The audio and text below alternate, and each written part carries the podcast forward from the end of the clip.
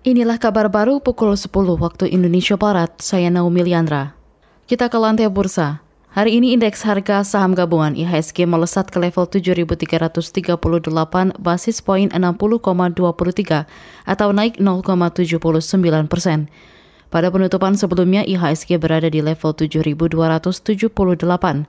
Adapun IHSG pagi ini telah diperdagangkan sebanyak 732 juta lembar saham dengan nilai dagang mencapai 402 triliun di mana hari ini sebanyak 248 saham tercatat menguat, 55 saham lesu dan 214 stagnan.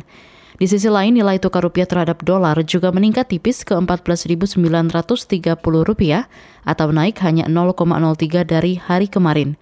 Dolar terhadap rupiah sedikit melemah setelah selama empat hari berturut-turut melesat di atas 1,37 persen. Pemerintah mengklaim telah menyalurkan BLT BBM kepada hampir 6 juta penerima manfaat di 431 kabupaten atau kota di Indonesia. Hal itu disampaikan Presiden Joko Widodo saat meninjau penyerahan bantuan sosial berupa bantuan langsung tunai BLT bahan bakar minyak BBM, sembako, dan BLT bagi peserta program Keluarga Harapan PKH di Kabupaten Maluku Tenggara kemarin. Sudah dimulai semuanya. Memang baru kurang lebih 5 juta 900, hampir 6 juta. Dari 20,6 juta yang harusnya menerima. Memang ini masih dalam proses semuanya. Tetapi 6 juta itu bukan angka yang kecil. ya, dalam waktu hanya kurang lebih satu minggu sudah bisa menyalurkan seperti itu. Selain BLT BBM, Presiden Jokowi juga menyatakan pemerintah akan terus menyalurkan bantuan subsidi upah kepada pekerja. Jokowi mengatakan dari target 16 juta penerima, saat ini pemerintah telah menyalurkan bantuan kepada sekitar 4 juta penerima. Adapun sejak kenaikan harga BBM subsidi, pemerintah mengeluarkan tiga kebijakan bantuan sosial berupa, berupa BLT BBM untuk 20 juta penerima, subsidi upah ke 16 juta penerima, dan subsidi bantuan dana daerah dari dana alokasi umum DAU dan dana bagi hasil atau DBH untuk sektor transportasi hingga nelayan.